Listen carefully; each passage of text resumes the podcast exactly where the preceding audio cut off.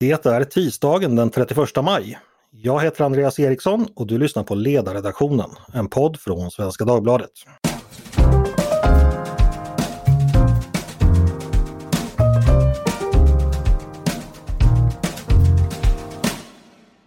Varmt välkomna ska ni vara. Eh, dagens ämne är centralt för att förstå svensk politik just nu och de senaste åren. Eh, ämnet är nämligen Centerpartiet.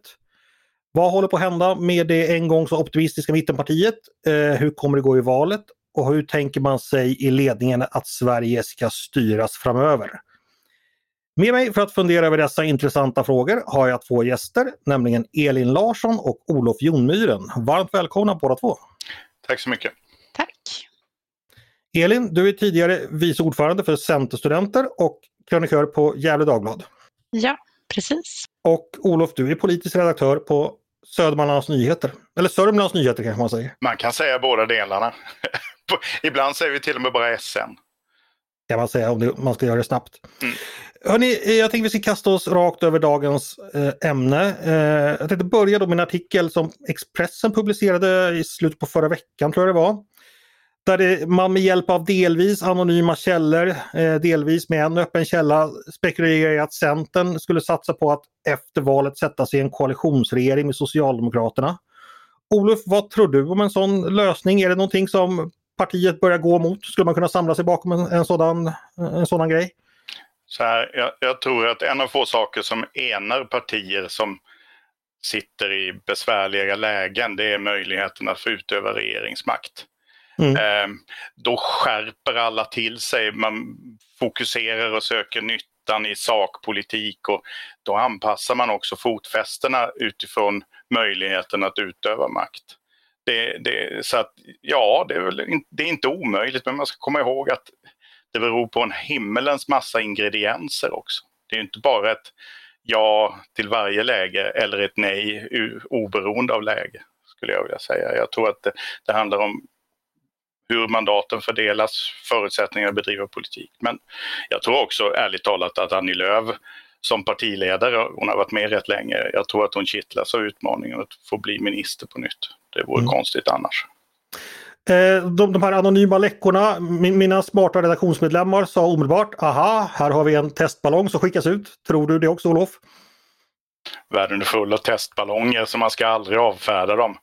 Eh, jag tror att ibland så finns det medvetna läckor. Vad, vad det var i det här fallet, det, vågar jag faktiskt inte spekulera om. Mm.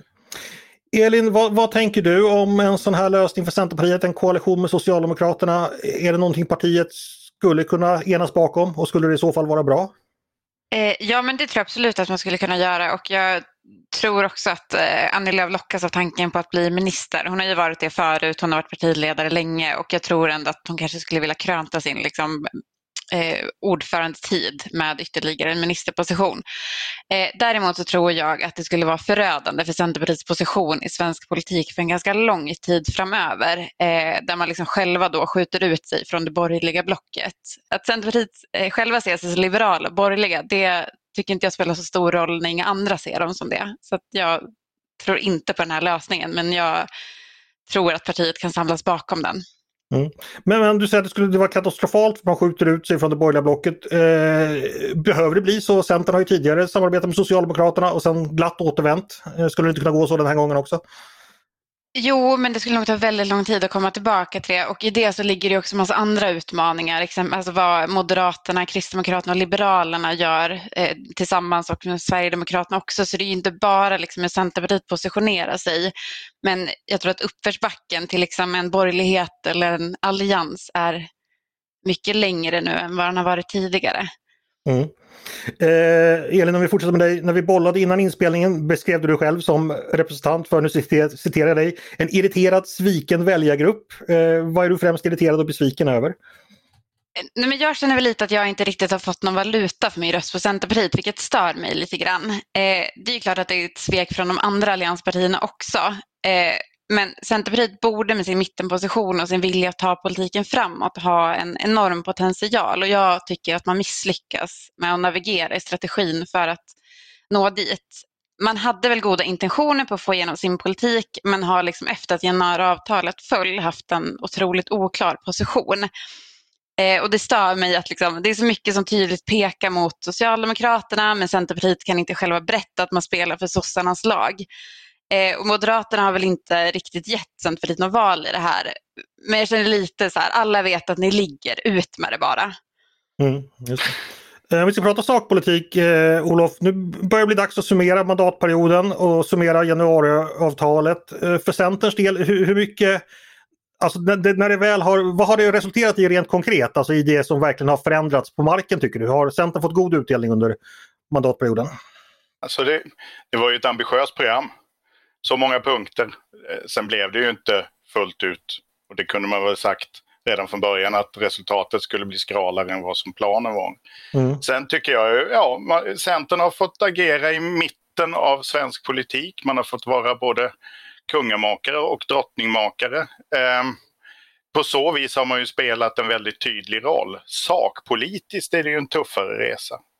Man hade nog tänkt sig ett antal segrar som jag tror man kände sig lite blåsta på idag därför att det fanns ju en del reformer som aldrig drogs i mål, och då, exempelvis strandskyddsreformen. Det är mm. typexempel. Eh, men också att man ska komma ihåg att allt detta sattes ju också i ett gigantiskt djupt badkar med eh, smittskyddsrestriktioner som ägde egentligen det stora politiska utrymmet under åtminstone två tredjedelar av mandatperioden. Så att man får nog väga ut resultatet mot vad som egentligen var möjligt sett till att vi ägnade större delen av tiden åt att hantera en pandemi. Mm. Eh, vad tänker du Elin? Alltså, Centerns strategi var ju då att eh, släppa fram en socialdemokratisk regering men ta rejält betalt för det. Eh, man liksom gick på socialdemokratins själ närmast när man gick in på arbetsmarknad och eh, bostadsmarknad. Eh, var det feltänkt från början eller hade det kunnat gå bättre nu när vi ser resultatet? Vad tänker du? Nej men det fanns ju goda intentioner, eh, absolut. Det ska man ändå ha. Och det var ju liksom, grunden i sig var väl bra. Eh, men det är ju också idiotiskt att bygga ett avtal på att så här, Vänsterpartiet inte ska rösta emot förslag de faktiskt inte tycker om. Samtidigt som man räknar med att Moderaterna helt okritiskt ska vara för i grunden liberala förslag men som Socialdemokraterna och Miljöpartiet har varit inne och pillat i. Det fanns väldigt mycket om och men eh, mm. i det här. Eh, så att, nej, det har väl inte fallit ut så väl. Eh, jag tänkte, ni känner säkert massa centerpartister som ni pratar privat med. Vad har ni för känsla av stämningen i partiet just nu? Just med, mot bakgrund av att man kan börja summera mandatperioder, man kan börja ha, få något slags facit på partiledningens strategi. Hur, hur går snacket? Är, är, folk nöjda eller missnöjda eller känner man att det här var enda vägen? Vad tänker du Olof? Vad, vilka vindar blåser där? Just nu så tror jag att det finns en ganska upp, liksom uppenbar känsla av att man angrips från många håll samtidigt. Det gör att man, man kryper in i sig själva lite grann och försöker så att säga utöva igelkottstaktiken att försvara bästa anfall mm. och, och, inte tvärtom. Eh, det gör ju att när man, när man hamnar i sådana lägen då håller man ihop och man håller ganska, ganska hårt ihop Eh, det är därför vi inte ser så mycket av missnöjesyttringar heller. Du får, du, får, du får skrapa länge för att hitta missnöjesyttringar, även om Elin här nu var ju ett exempel på sådant. Men, men det, det, det, är svårt att driva ut det ur Centerpartiet idag för att eh, som en folkrörelse så, så tar man oftast ett, ett vi-läge i sådana här, vi håller ihop och då, då, då tar man inga strider som riskerar att splittra parti linjen utåt. Mm. Elin, man blåser hårda vindar så man kryper ihop tillsammans och håller ihop. Eh, delar du den bilden? Ja, men det skulle jag säga. Alltså det knorras väl en del. Eh, men utåt sett så är ju stämningen fortfarande god och det är väl typiskt för Centerpartiet. Och jag skulle också säga att det är väl typiskt för Centerpartiet att kanske inte erkänna att strategin inte fungerar och att det man gör inte är så framgångsrikt. Mm. Just det, jag tänker så här. Har Centerpartiet sakpolitiskt närmat sig vänsterblocket under mandatperioden? Eh, vad säger ni? Nej, inte sakpolitiskt skulle jag inte säga, men däremot kanske relationsmässigt. Det väl, har väl varit ganska tydligt redan från början att Centerpartiet och Centerpartister kommer alltid välja Vänsterpartiet före Sverigedemokraterna när det kommer till kritan och där är vi ju nu. Eh, och man gick från början ut och liksom sa att de skulle behandlas lika och det var ju ganska oärligt. För jag skulle säga att internt har varit tydligt väldigt länge vad, vad man väljer när det faktiskt gäller. Mm. Just det. Eh, vad, vad, säger du Olof, har du sett någon sakpolitisk utveckling där man har närmat sig ändra blocken eller fjärmat sig från någon annan? Alltså inte, inte direkt. Så mycket, det har ju inte skett så mycket stora förändringar men det man, kan, det man kan säga är ju att Centerpartiet i sina utspel emellanåt har tydligt valt utspelsområden där det är lättare att få ett, en, en bekräftelse eller ett slags ett positivt mottagande från Socialdemokraternas sida. Att Man väljer ämnen som man vet ligger nära Socialdemokraternas agenda. Man, man går ut med exempelvis det här eh, eh, satsning på utveckling av tjänsterna inom vården vad det gäller undersköterske, utbildnings, fortbildningskarriärer och så vidare. Det mm. där är ju ett ämne som sossarna ganska snabbt kunde också omfamna och säga men det vill vi satsa pengar på. Så att man har ju varit ganska pragmatiskt i valet av vilka strider man har tagit. Det skulle jag vilja säga. Det där är ju ganska intressant för jag tänkte på det Elin sa tidigare att eh, sakpolitiskt versus relationsmässigt att Idag tycker ju partierna ganska mycket samma sak sakpolitiskt i ganska många ämnen. Alltså, när brottsligheten blir stor så vill alla prata om det, när invandringen var stor för några år sedan så vill alla prata om det. Så där, man kan inte ska underskatta det här med att relationsmässigt, alltså hur man positionerar sig. Ja, men som du säger Olof också, att vilka frågor man väljer, eh, vad man prioriterar, hur man pratar och så vidare. Det, det är en minst lika viktig del av politiken som liksom den sakpolitiska agendan. Förstår ni vad jag menar? Eller, förstår du hur jag tänker Elin? Där? Ja, men jag tror också med, med Centerpartiet så är det ju så himla mycket också som bygger kring Annie som person. Eh, och det mm. tror inte jag heller att man ska underskatta, vad liksom, hur man använder henne och vad hon vill. Och en av Centerpartiets, Centerpartiets stora utmaningar nu, det är ju, är ju också att Annies stjärna har dalat. Mm. Eh, vilket ju gör att man måste anstränga sig ännu hårdare med sakpolitiken eller med relationen till de andra partierna. Ja, precis. Och sen är det också hur man liksom tolkas av sin omgivning. Tolkas man välvilligt eller tolkas man illvilligt? Det, det beror på om man så att säga, spelar för samma lag så är man beredd att tolka allting välvilligt. Spelar man på olika lag så är det tvärtom. Tänker jag. Det spelar också en viss roll inom politiken. Ja, och problemet med Centerpartiet är väl att man lite har varit allas slagpåse under den här mandatperioden eh, och att liksom ingen kanske riktigt vill ha Centerpartiet eh, och att man själva lägger väldigt mycket energi på att typ kräva svar från Moderaterna och Kristdemokraterna som inte alls är intresserade av att svara på Centerpartiets frågor längre. Liksom. Nej, så är det ju. Eh, en fråga angående, när vi var ändå inne på sakpolitiken. Jag vet inte om ni har hunnit se det idag men idag har vi fått veta att Centerpartiet inte kommer hänga med i det som kallas högeroppositionens krav på att försvarsmakt eller försvarsutgifterna ska stiga till 2% redan 2025 utan man håller sig på regeringens linje. Eh, vad tänker ni om det? Är, det? är det ett exempel på, skulle det kunna vara ett exempel på när man sakpolitiskt närmar sig regeringen? Eller vad säger du Olof? Ja, nu har jag bara hunnit snabbt titta på detta. Så jag ska säga att det jag ser däremot som jag tror att man måste ta hänsyn till i det här fallet det är ju att Försvarsmakten själv har sagt att det är inte rimligt att nå en 2 utgiftsnivå för en 20 vad det nu var. 28. Eh, 28 var det va? Ja, mm. eh, och, och, det tror jag är det som vägleder Centerns positionering i det här fallet i första hand. Sen är det klart att om du inte behöver bejaka en grupp som säger att du är paria, då kanske man väljer att inte göra det. Eh, mm. Det är ganska enkelt. Varje parti är sig själv närmast, så är det. Men jag har väldigt svårt att förstå det här. För, att för liksom några månader sedan så gick man ju ändå ut med att man ville se en kraftfull ökning av försvarets anslag. Eh, där man ville öka eh, liksom 2% av BNP senast 2025. Så att, eh, jag, jag har svårt att förstå varför har man ändrat sig och liksom hur går kommunikationen? Vad är det som är så oseriöst nu som inte var oseriöst tidigare? Och det är väl det som Centerpartiet ofta hamnat i den här mandatperioden. Att man liksom har svårt att, svårt att förklara varför man ändrar sig. Det kan ju vara så att det är försvaret själva då som säger det, men att kommunikationen brister ju ständigt. Jag, jag tror ju så här också att politiken idag älskar medvetna missförstånd. Mm. Eh, all, när alla slåss mot alla så blir det, då söker man ju egentligen det lättast möjliga sättet att attackera någon annan på. Istället inte alltid det mest genomtänkta. Eh, och och då, får man, då får vi den här typen av pajkastningsnivåer. Jag, jag tror att dock för att liksom kommentera det Elin säger så, är, så tror jag också att liksom grundidén här är att när Centern sa målet är 2% 2025. Det var före det att man har fått ta del av Försvarsmaktens bedömning av vad som var möjligt. Jag tror mm. att det spelar in. En myndighet som inte vill ha mer pengar från politikerna är ju för övrigt rätt fantastiskt. Ja, det är ju jättefascinerande. Det är ju det, men det, det mm. kanske säger någonting om vad som är möjligt att köpa på marknaden just nu också. Mm. Så kan det säkert vara.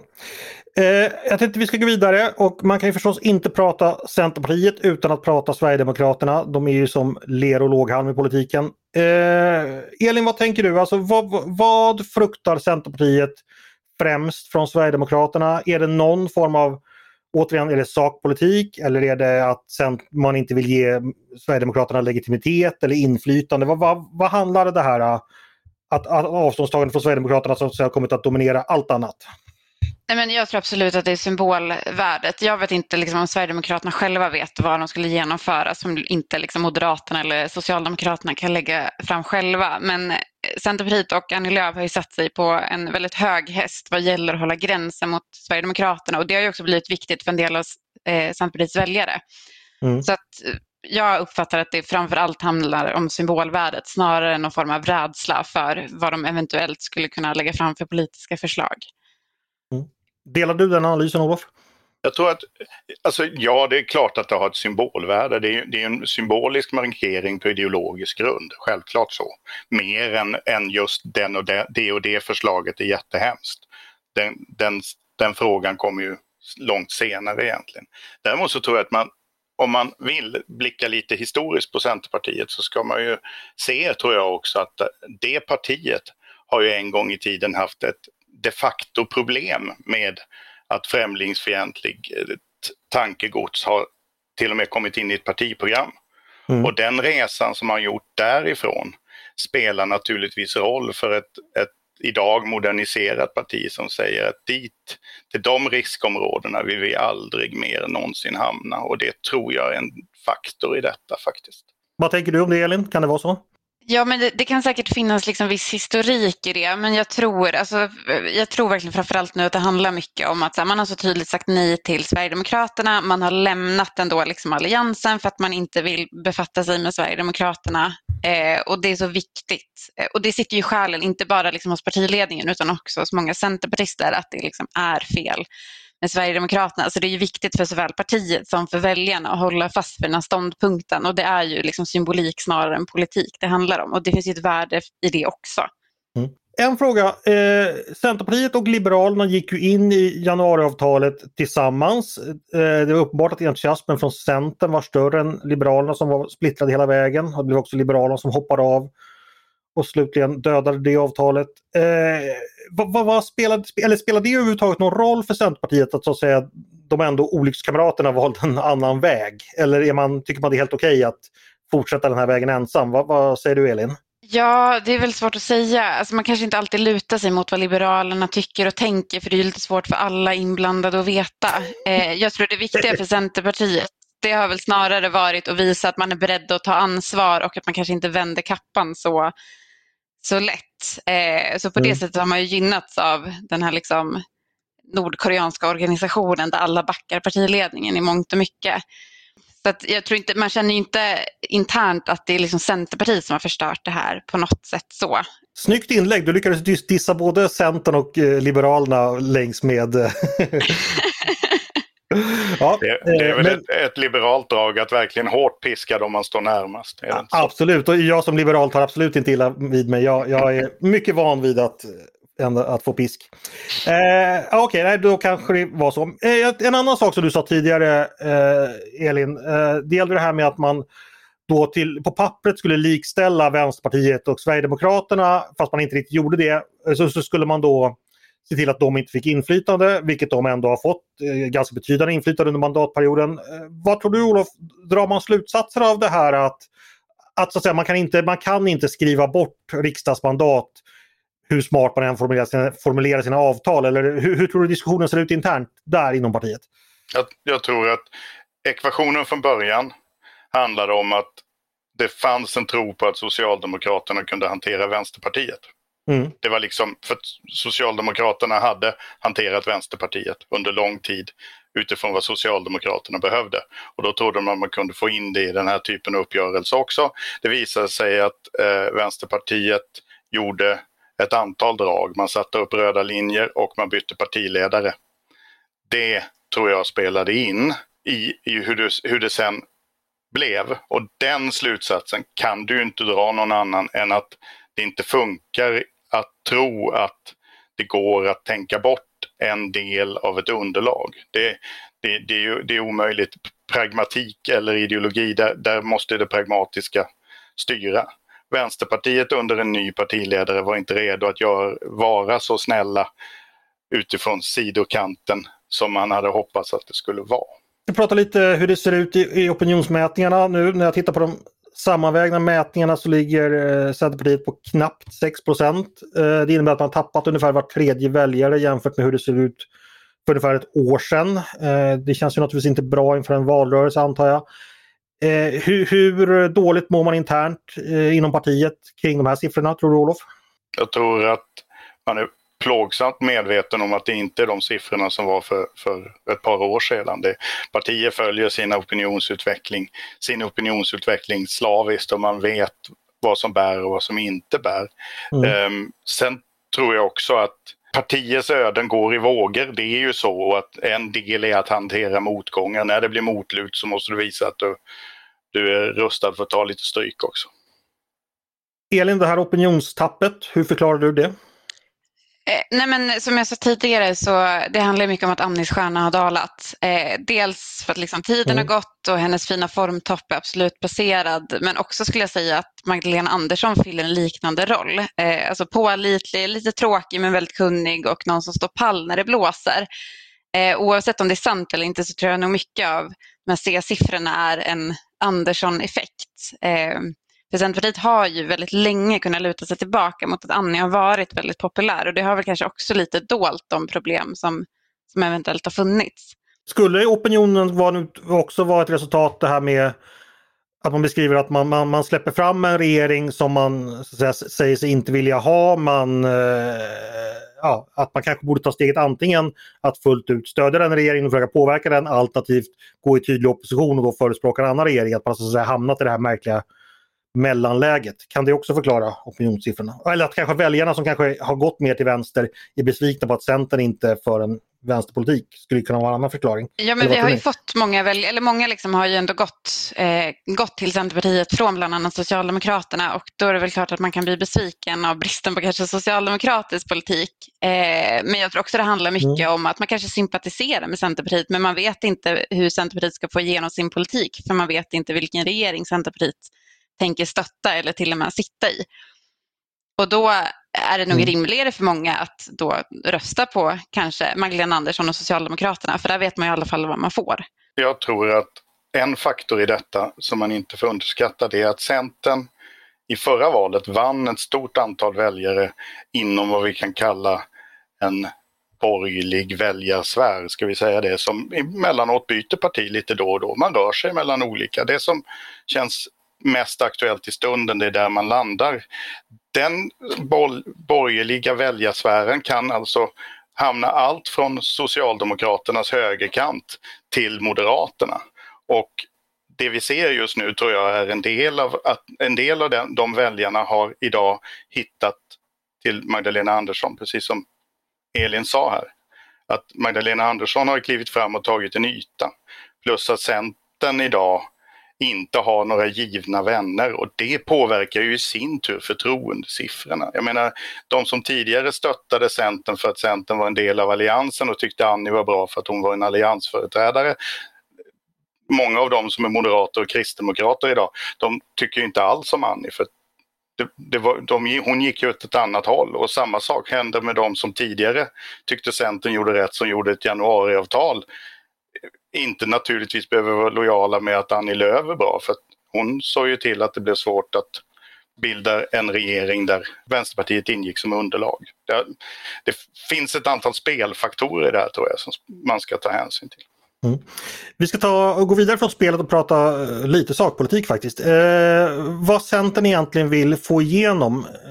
Dagens debatt handlar ju mycket om Brottslighet och invandring förstås. Sjukvården har, ju, har vi ju kvar efter pandemin. Nu har utrikespolitiken blivit viktig men också ekonomin i takt med ökade priser. Eh, vad skulle du säga Elin, vad, vilka frågor vill Centerpartiet helst att valrörelsen ska, valrörelsen ska handla om och vilka lösningar har man på dem? Eh, vad är det så att säga vinnarfrågorna man hoppas på? Ja, alltså, jag känner mig lite osäker själv på vad Centerpartiet ska gå till val med. Det kommer säkert handla om klimat eh, och jämställdhet och landsbygd såklart. Men en central sak som jag tror är mm. grundproblemet är mycket, det är att man knappt har utvecklat någon ny politik jämfört när man gick till val 2018 kommunikationen fokuserar på vad andra ska göra, alltså vilka breda överenskommelser som ska göras och eh, ganska mycket på luddiga känslor, alltså framåt, Sveriges bästa, allas lika värde, vi orkar och jag har svårt att, att hitta, se poängerna i det här och vad man, ja, men vad man vill att valet ska handla om och vilka frågor man fokuserar på.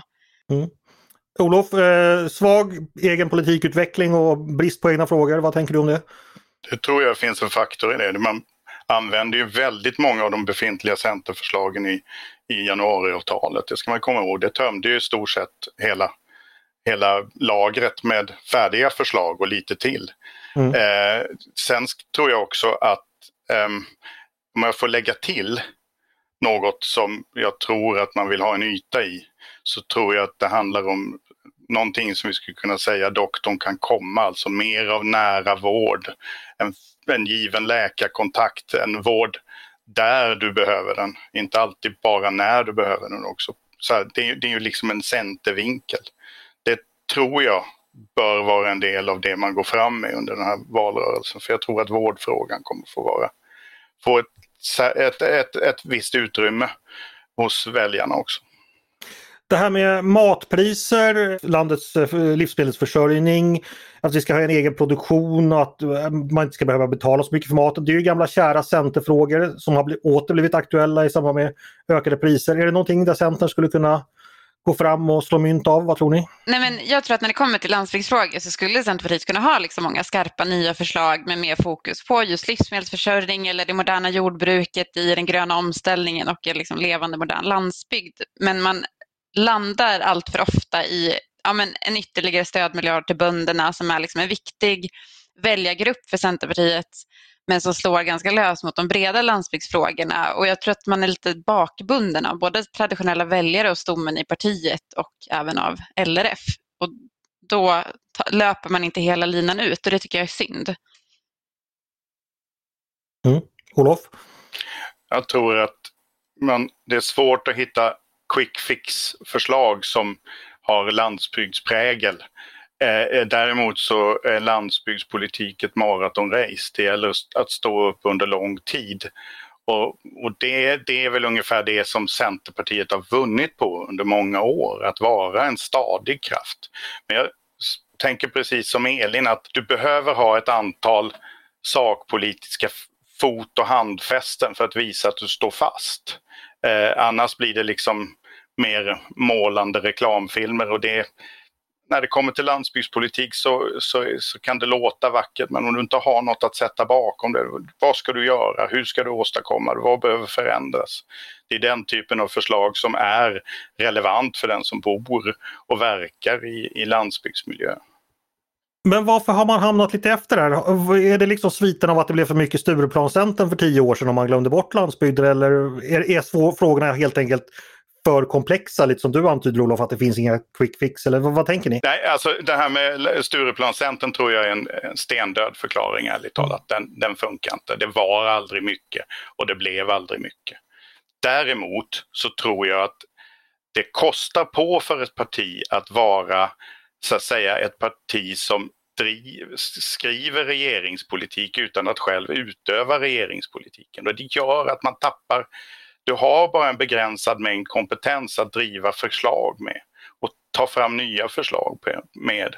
Och det gör att någonstans så kommer det att synas. Så här tror jag, om vi ska vara krassa, så har man ett behov av att visa mer. Och det måste gå ganska fort. Mm.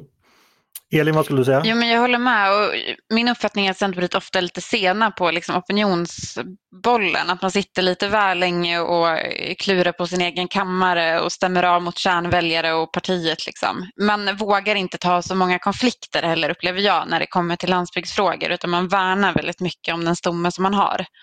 Ja, men jag tänker också om vi inte bara pratar landsbygd utan mer pratar alltså mindre orter, eh, områden, alltså ut, Sverige utanför storstäderna helt enkelt. Där kom det ju ändå en diskussion under pandemin att eventuellt så skulle eh, vissa urbaniseringsströmmar vändas och så där. Och Centern har ju stora traditioner när det gäller att decentralisering, att staten och det offentliga också skulle kunna vara med att ja, underlätta helt enkelt den, att, leva, att hela Sverige ska leva helt enkelt. Var, var ligger man där någonstans i den frågan skulle jag säga? Är, man med där och hur tänker man framåt där? Eh, ja, men när man pratar om att hela Sverige ska leva så uppfattar jag att man, eh, alltså det är fokus på storstäderna och där har ju Centerpartiet också insett att det finns jättemånga väljare man kan plocka. Eh, bland annat liksom, eh, ja, men akademiska kvinnor i storstäder var en jätteviktig väljargrupp för Centerpartiet förra valet samtidigt som landsbygdsväljarna är jätteviktiga och däremellan så kanske man lite glömmer bort de här väljarna som bor i, i småstäder. Eh, min uppfattning är inte att man fokuserar särskilt mycket energi eller kommunikation på att nå den gruppen, vilket man kanske borde göra med tanke på att man ändå så styr i många regioner, man är med och styr i väldigt många kommuner, men det tappas bort i den politiska kommunikationen och jag har svårt att svara på varför. Mm. Olof, vad säger du? Centerns position i den stad-land-dimensionen och eh, hela Sverige ska leva, decentralisering och så vidare? Man kan väl säga att en, en, en ganska lätt borttappad väljargrupp har varit småorternas befolkning under en längre tid. Eh, det, det, handlar ju här om att hitta en en, en, balans så att säga. Du, du, kan gärna prata om landsbygdens konstruktiva visioner i formen av att ha växande gröna näringar som kan slippa byråkratisk klåfingrighet och, och slipper och kan stå emot den här människan får inte påverka vare sig natur eller landsbygd utan människan ska hålla sig borta så naturlivet får leva allt fritt. Den typen av aktivism. Men det räcker ju inte. Du behöver ha också svar på frågan att människor som lever en bit utanför det mest urbana behöver ha svaret på frågan och kunna känna jag har råd med ett eget fordon. Jag känner mig fredad i mitt hem. Jag kan driva en egen firma utan oro för stöldligor eller behöva vänta i evigheter på en polis som inte har tid att komma. Det där är handfasta grejer som man måste kombinera tror jag för att liksom brett synas och vara inte bara en den gröna landsbygdens röst utan också det mindre samhällets röst. För det är en, också en väldigt stor grupp väljare som ingen egentligen ser idag. Vi får se hur det går med det och hur det går för uh, väljare på mindre orter ifall någon vill lyssna på dem. Uh, stort tack för att ni kom och pratade med mig idag, Elin Larsson och Olof Jonmyren. Tack så mycket. Tack så mycket. Och tack till er som har lyssnat också på Ledarredaktionen, en podd från Svenska Dagbladet. Ni är jättevarmt välkomna att höra av er till oss på redaktionen med tankar och synpunkter på det vi har precis diskuterat. Kanske är det precis du som löser Centerpartiets problem. Eller om ni har idéer och förslag på saker vi ska ta upp i framtiden. Då är det bara att mejla till ledarsidan snabla svd.se. Dagens producent, han heter som vanligt Jesper Sandström. Jag heter som vanligt Andreas Eriksson och jag hoppas precis som vanligt att vi hörs snart igen.